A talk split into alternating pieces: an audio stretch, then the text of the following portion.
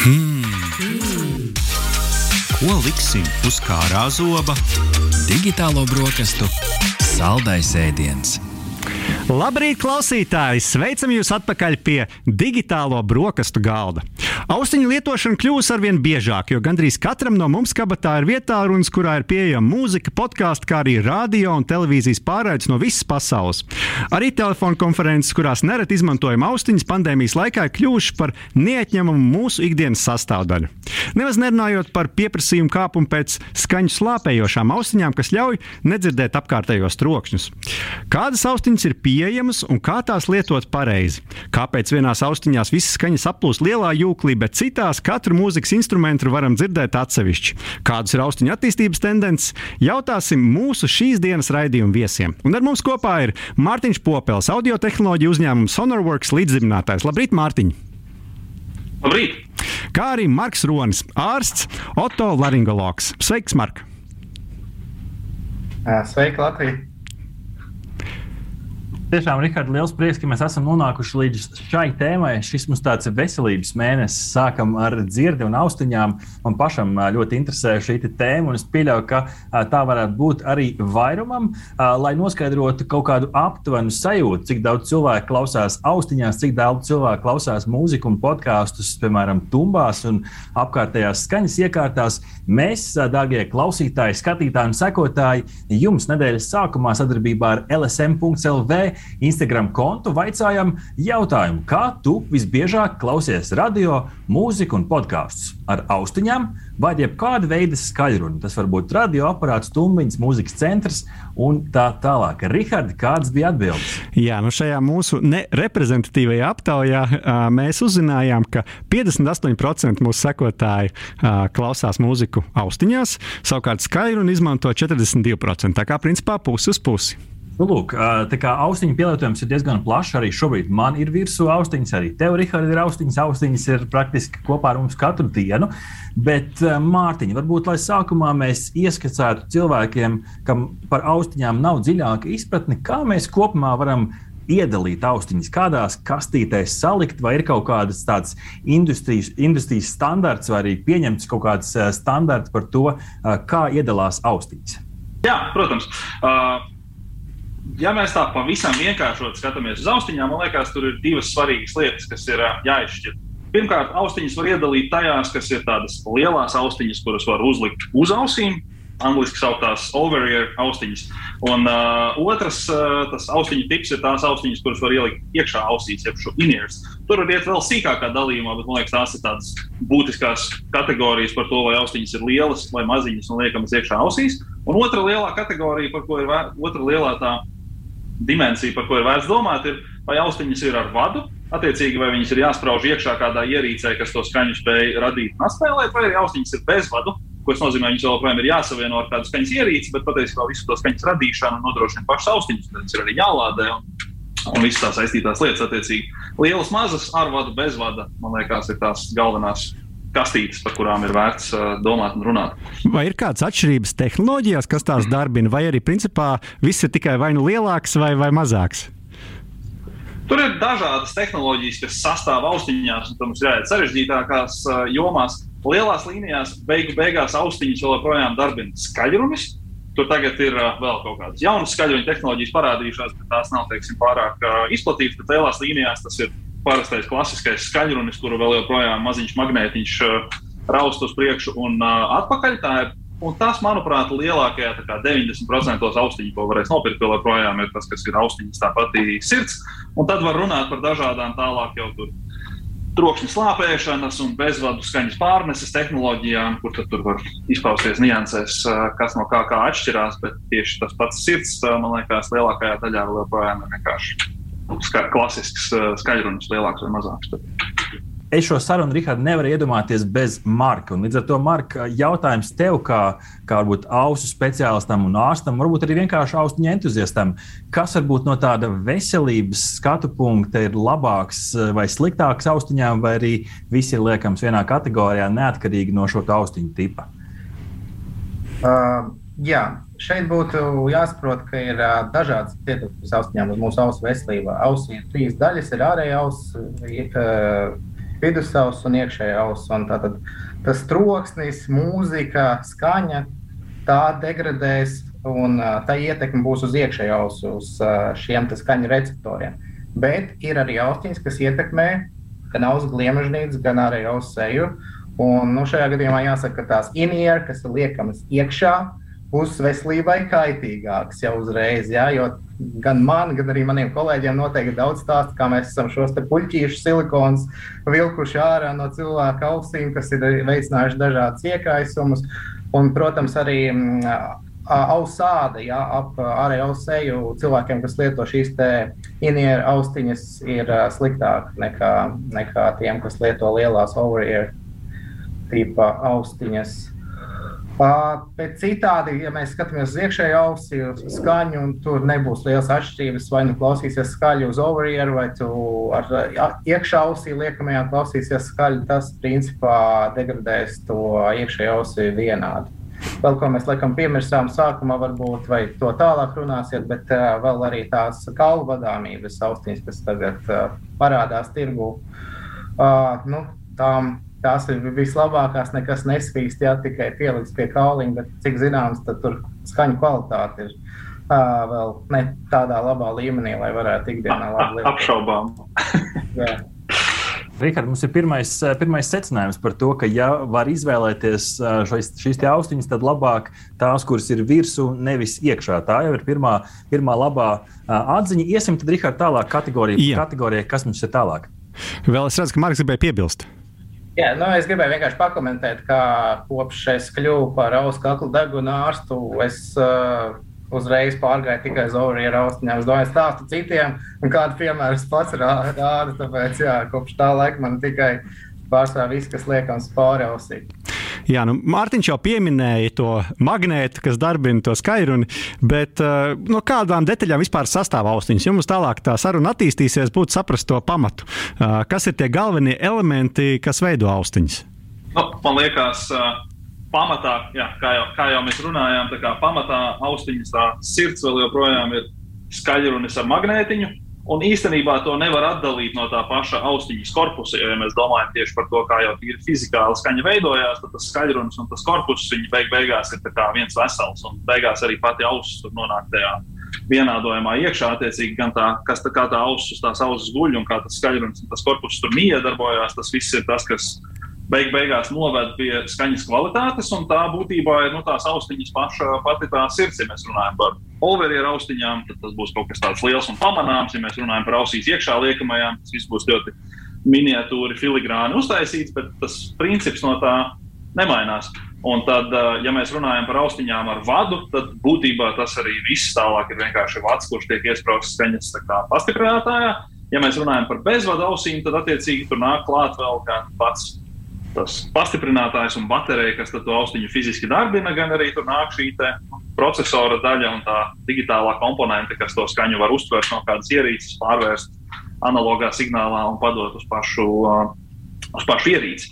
Nu, tad mūsdienās lielākajai daļai austiņu ir arī mikrofons, kas ir uh, neizbēgami nepieciešams, mēs gribam austiņus izmantot divu virzienu saziņai. Kas varbūt Mārtiņa no šīm te, tevis nosauktajām detaļām ir tā, kas visvairāk ietekmē to austiņu skaņas kvalitāti? Ir dzirdēts par to, ka daži mēģina vairāk šīs, te, šīs te magnētus un vairāk šīs detaļas iestrādāt, lai veidojās kaut kāda citādāka vai telpiskāka skaņa. Kas varbūt ir tas? Nu, kuram, piemēram, pircējiem izvēloties austiņas, kam ir vērts pievērst uzmanību. Protams, noteikti daudz ko diktē stils, bet, ja mēs paskatāmies tālāk par stilu, kas ir tas, kas nosaka austiņas nu, to skaņas kvalitāti, ko tā spēj dot? Ja man nu, tas pēc būtības tā atbilde slēpjas, manuprāt, specifiski gan tajā skaļrunī korpusā un kā tas viss ir uzdizainēts tā, lai tas strādātu kopā. Un, uh, nu, patiesībā, diemžēl, ir ļoti grūti iedot tādu gatavu formulu pircējiem, tad, kad ej uz veikalu, tad noteikti skaties šādas austiņas. Tur ir austiņas ar vienu skaļruņu, tur ir austiņas, kurās ir kāds iemanījies ielikt trīs skaļruņus. Teorētiski no trīs skaļruņiem varbūt var uztaisīt labāku skaņu, un varbūt kādam tas arī tā izdodas, bet tas negarantē, ka tas tā ir izdarīts. Reizēm tas ir vienkārši tāds uh, mārketinga gājiens no attiecīgā ražotāja puses. Attiecīgi, e, es domāju, ka ja vien cilvēks ļoti labi nesaprot, kāpēc viņš meklē austiņas ar trīs skaļruņiem, tas nav obligāti tas kriterijs, kuru vajadzētu meklēt. Beigu beigās, un mēs varbūt līdz tam nonāksim sarunas galā, Uh, beig beigās svarīgi ir, vai tev personīgi patīk tā tās austiņas skaņa, jo tas, kā mums patīk skaņa, būtībā atšķirās uh, no cilvēka uz cilvēku, un tas, kā mēs dzirdam, ir dažādi. Attiecīgi, tas, kas varbūt priekš manis liekas lielisks austiņas, nebūs lielisks austiņas priekš Marka vai priekš Arta vai priekš kāda cita. E, attiecīgi, beig beigās vislabāk ir paklausīties. Ja nevar paklausīties, nu, tad nāksies droši vien paļauties uz uh, kaut kādiem apskatiem internetā vai citām lietām. Bet tur nav tādas tiešas korelācijas. Tā kā viens skaļrunis slikti, trīs skaļruņi labi. Tur var būt ļoti labi skanošs austiņas ar vienu skaļruni, un varbūt nepārāk labi skanošs austiņas ar trīs skaļruņiem. Tas tas, kā tam ražotājiem ir izdevies to visu salikt kopā, beig beigās ir tas, kas ir visbūtiskākais tajā skaņas kvalitātē. Jā, nu šeit ir jautājums Markam. Uh, nu, ja mēs pērkam tās austiņas, kuram parametram būtu jāpievērš uzmanība tieši no tā veselības viedokļa? Vai tie ir tie herci, vai, vai kas, kas ir tas, kam, uz ko būtu jāskatās? Nē, šajā gadījumā es domāju, ka fizikāliem parametriem nebūs tāda ietekme. Ja tu klausīsies uz 100, 120 decibeliem, tu degradēsi savu dzirdes orgānu. Tā kā šeit galvenais, es teiktu, pievērst uh, komfortam, ko mēs jau izrunājām sākumā, jā, lai nebūtu jāsprauž iekšā visu laiku nepatīkam vēl kaut kas. Un uh, vēl būtu droši vien jāpievērš uzmanība uh, tam, vai mēs arī runāsim tālāk, droši vien ir šī skaņas lāpēšana. Ne tādā ziņā, ka ir kaut kāda aktīvā skaņas lāpēšana, bet kaut vai arī tas pats spilvens apkārt austiņai, ja, vai viņš labi noslāpē apkārtējo vidi. Jo nu, secinājums arī man teiksim, no saviem studentu gadiem, kad brauc pārpildītā trolēļbusā, viņas apkārt skan, tu gribot, negribot. Lietas skaļāk. Ja, ja tev ir šī labā skaņa izolācija, tu vari klausīties zemākos decibelos, um, pieklusināt bišķiņu skaņu un tādējādi izdarīt savu pakalpojumu un savai ausī arī. Jā, un tad sanāk, ka. Un vēl par tām bezvadu austiņām droši vien būs uh, noteikti kādam jautājums, vai tas nav tur uh, nu, pie auss liekot bezvadu tehnoloģijas, mobilie telefoni jau šim ir gājuši cauri, vai tur nebūs kaut kāds starojums, kaut kādu, kaut kādu ietekmē uz audzēju veidošanos, to mēs nezinām. To mēs, nezinām. to mēs uzzināsim iespējams pēc 50, pēc 70, kad mēs būsim jau tādā vecumā, kad mums šīs slimības var parādīties. Tāpēc to grūti spriest. Tas vairāk ir arī jautājums kaut kādam vidas veselības ekspertam. Jā, šajā gadījumā grūti būs atbildēt, kāda ir šī ietekme. Tā kā principā var pirkt arī austiņas, kurām ir pastiprināti basi, bet ir svarīgi vienkārši cik skaļi tu tos basus uzgriezi. Protams, manā skatījumā, teiksim, jā, skanējumam liela nozīme. Kādreiz jaunībā man patika, jā, teiksim, bija austiņas, kurām ir izteikti šie basi. Jā forši, feini. Ja. Galvenais, jā, lai tie basi ir un tu vari viņus pagriezt klusāk. Jā, un tev ir tā, tas tā sajūta, tas feelings, ka tu vari klausīties viņu arī netik skaļi. Nevis nopirkt kaut kādas lētas un likt riktīgi skaļi, lai dabūtu to pašu sajūtu.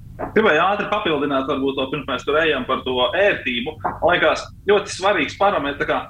No mūsu pieredzes darbā ar austiņām un cilvēkiem, kas lieto austiņas, man liekas, tas nu, gala lietotājam ērtība ir pierādījusies atkal un atkal, ka viņa ir būtiski svarīgāka par būtībā skaņas kvalitāti un visu pārējo. Teiksim, tas lietošanas ērtība ir super svarīgs parametrs izvēloties austiņas. Un, lai domātu par lietošanas ērtību, ir svarīgi domāt par to, kā tas cilvēks īstenībā tās austiņas visbiežāk lietos. Piemēram, ja mēs caurām dienām sēžam Zoom zvanos, teiksim, tad tas ir viens gadījums. Tad, ja mēs reizēm pieslēdzamies zvaniem, nezinu, braucot mašīnā, tad atkal varbūt tās ātri ielikt vienu mazu austiņu ir daudz ērtāk. Ja mēs runājam par cilvēkiem, kas brauc trolēļbusā un klausās mūziku, tā ir viena lieta, vai cilvēkiem, kas lido lidmašīnā. Ja mēs runājam, piemēram, par, mēs daudz strādājam arī ar studiju inženieriem visā pasaulē, un ja viņi, piemēram, ir cilvēki, kas strādā nezinu, astoņas stundas no vietas ar austiņām, tad ērtība priekš viņiem priekš nozīmē kaut ko pavisam citu. Viņas vairs nevar būt pārāk ciešas, nevar pārāk spiest. Viņas noteikti nav iekšā ausīs, viņas noteikti ir apkārt ausīm, bet tas nav tas pats, kas, teiksim, ja es gribu iet divreiz nedēļā skriet uz divām stundām, tad tas kritērijs uzreiz mainās. Attiecīgi, tas, ko jūs ar tām austiņām gribat darīt, ir ļoti svarīgi, lai saprastu, vai viņas ir ērtas un parocīgas. Tas, ko es gribēju pieminēt. Kā Mārtiņa strādā tā skaņas slāpēšana, kas Jā, ir tas, kas nodrošina to? Skaņas slāpēšana tā savā būtībā, tā tehnoloģija ir uh, gaužām vienkārša. Nu, pirmkārt, mēs varam izdalīt divas lietas. Mēs varam izdalīt pasīvo skaņas slāpēšanu un aktīvo skaņas slāpēšanu. Pasīvā skaņas slāpēšana ir būtībā vienkārši tad, kad jūs fiziski noslāpējat apkārtnes trokšņus, lai viņi līdz jums nenonāk. Teiksim, ja jūs lietojat austiņas ar silikonu iebāžņiem, jūs celiekat ausīs, jūs jau mazāk dzirdat apkārtni. Ja jūs lietojat austiņas, kuras uzliekas uz ausīm, viņas pietiekoši blīvi noslēdzās, viņas jau slāpē apkārtni, teiksim, kur dažādas trokšņu slāpējošās austiņas celtniekiem vai maziem bērniem koncertos vienkārši ir kluči, ko jūs uzliekat uz ausīm, kas noslēpē trokšņus. So tā ir pasīvā slāpēšana, un tā ir daļa no tā visa. Bet tad ir aktīvā slāpēšana, kas droši vien ir interesantākā daļa. Savā būtībā tā tehnoloģija ir visnotaļ vienkārša. Austiņas ārpusē kaut kur atrodas uz ārējo vidi vērsts mikrofons, kurš vienkārši uztver no ārpuses nākošos trokšņus. Šo trokšņu tādā fizikālā izteiksmē apgriež otrādi un pieskaita skaņas signālam, kurš nonāk pie jūsu ausīm. Un tad tur tālāk, tas, tā, tā būtībā ir šīs tehnoloģijas esence, un viņa pārsteidzoši vai nepārsteidzoši lieliski strādā. Un tādā, ko atšķirās tās trokšņa slāpējošās tehnoloģijas, ir tas, cik labi ir šie mikrofoni. Varbūt viņi ir nevis viens, varbūt viņi ir vairāk, varbūt attiecīgi precīzāk nomēršot apkārtējo troksni. Cik precīzi ir noregulēts tas, kā tieši, jo tur beig beigās ir dažādas tehniskas nianses, kas jāņem vērā. Tieši precīzi ir noregulēts un uztaisīts tas, kā šis ārējo troksni slāpējošais signāls tiek pieskaitīts parastajam signālam, un tur tālāk sākās kaut kādas jau nianses, kuras nav tik triviālas, bet savā būtībā tas vienkārši ir mikrofons, kurš klausās apkārtējo pasauli un mēģina jūsu skaņai pieskaitīt tieši pretēji troksni, tā lai viņi tiktu novērsta jums subjektīvi klausoties. Un, ja mēs runājam par telpisku skaņu, kas ir ļoti nozīmīgi, ja mēs gribam baudīt filmas, video spēles, nu kā, kā, kādas tehnoloģijas to palīdz nodrošināt? Tur savā būtībā ir tā, man liekas, ir šobrīd viena no tādām audio tehnoloģiju tēmām, kurai tur globāli pasaulē dažādi uzņēmumi pievērš daudz uzmanības un mēģina viņu atrisināt. Man personīgi neliekas, ka tas tā atrisināšana vēl ir notikusi. Tur ir dažādi mērījumi, teiks, dažādi mēģinājumi šādus produktus radīt. Bet savā būtībā ideja ir, ka teiksim, mēs pasauli uztveram ar divām ausīm, un mēs tā kā pasauli izjūtam kā trīsdimensionālu skaņu. Mēs zinām, ka skaņa nāk no aizmugures no priekšā vai kaut kā. Un tad, attiecīgi, ir tāds tēze, ka kāpēc mēs to nevarētu izdarīt uz austiņām. Bet būtībā tas nav par austiņām, tas ir par to skaņas signālu apstrādi līdz brīdim, kamēr viņi nonāk austiņās. Tas ir vai nu par to, ka skaņa tiek ierakstīta jau izmantojot divus, nevis vienu mikrofonu, vai arī tas ir par to, ka tur ir sarežģīti algoritmi datorā, kas attiecīgi šo skaņu mēģina uzsintēzēt tā, it kā viņa būtu trīsdimensionāla. Tad, tad skaņu ierakstu studijas mēģina radīt trīsdimensionālu skaņu dažādos veidos un šo atnest līdz patērētājiem. Bet tā ir tēma, kas, es domāju, noteikti tuvākajos gados mūs sasniegs daudz lielākā mērā un vēl pārsteigs ar to, ko viņi var izdarīt. Bet uh, tas ir mazāk par austiņām, tas ir vairāk par pašu kā, signāla apstrādes uh, tehnoloģiju un algoritmiem datoros un telefonos. Nu jā, un ja vēl var paturpināt, tad uh, vēl pēdējā lieta, ko es gribētu tieši no tā tehnoloģiskā skatu punkta noskaidrot, ir par uh, to, uh, kas noteikti ir arī jūsu viens no pamatdarbības uzdevumiem par digitālo, uh, digitālo austiņu kalibrāciju. Kā tas strādā un kāda tam ir nozīme skaņas kvalitātei? Nu, ja mēs atgriežamies, tas ir attiecīgi pamatā jautājums par skaņas kvalitāti un to, ko tas subjektīvi cilvēkiem nozīmē.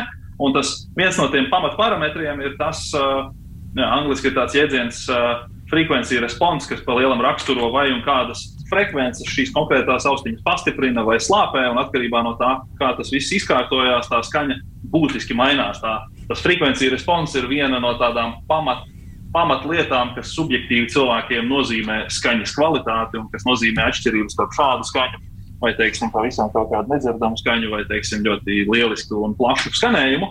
Un tad, kā jau minēju, sākumā austiņas tā sirds ir skaļrunis un korpus, un tas, cik labi viņas ir sadizainētas kopā. Bet tur ir dažādi fiziski ierobežojumi, ko tiem uh, austiņu uzņēmumu inženieriem ir jāņem vērā. Un daudzas no tām lietām, ko nevar izdarīt analogajā pasaulē, var patiesībā novērst digitālajā pasaulē un uzlabot digitālajā pasaulē. Un tas ir tas, kur Sonarworks ļoti daudz pavada laika un strādā. Un būtībā tā atkal ļoti vienkāršoti un uh, ātri atbildot uz šo jautājumu, beig beigās katram no mums izrādās, ka tā perfektā skaņa, tā atbild uz jautājumu, kas ir perfekta skaņa man un kas ir perfekta skaņa Artim, ir divas dažādas atbildes. Un, uh, mēs būvējam tehnoloģiju, kas ļauj ar aplikācijas palīdzību ātri un ērti noskaidrot, kāda tad ir priekš manis labākā skaņa. Un tad būtībā mēs varam šo skanējumu pēc nu, ļoti vienkāršā veidā aiznest līdz austiņām un nodrošināt, ka vienalga vai tās ir pīcis austiņas, vai Sennheiser austiņas, vai vienalga kāda cita ražotāja austiņas, kas ir savietojamas ar šo Sonarworks Sound ID tehnoloģiju, e, ka šīs austiņas skanēs tā, kā tieši priekš jums personīgi tas ir vislabāk un ņems vērā jūsu gan uh, gaumi, gan uh, dzirdes īpatnības, gan vispārējo. Attiecīgi, cilvēki varēs vairāk fokusēties uz to, vai ir ērti, vai ir veselīgi, vai ir uh, smuki.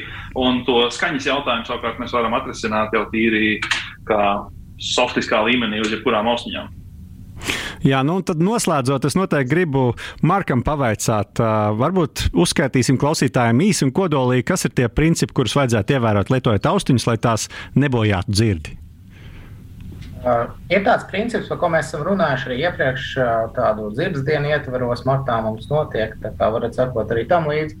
Uh, ir tāds vienkārši 60-60 uh, princips. Tātad uh, cenšamies klausīties uh, savās austiņās, jebko uh, 60% no viņu maksimālās kapacitātes un ne ilgāk par 60 minūtēm. Ja? Pārsvarā tie būs kaut kādi 60 decibeli, 60 minūtes. Visi forši.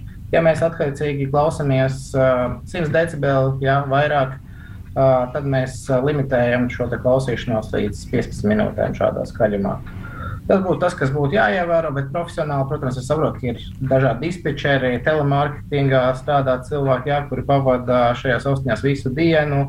Nu, tur arī vajadzētu ievērot to, ka mēs taisām pauzi, nu, reizes stundā atpū, atpūtinam ausis. Un uh, otrkārt, uh, cenšamies jā, to skaņu negriezt pārāk, uh, pārāk skaļi.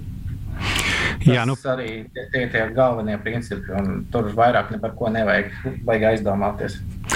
Paldies, kungi, jums par sarunu. Ar mums kopā bija Mārtiņš Popelis, audio tehnoloģiju uzņēmuma Sonarworks līdzdibinātājs un Marks Ronis, ārsts, otolaringologs. Paldies jums par ieskatu austiņu tehnoloģijās!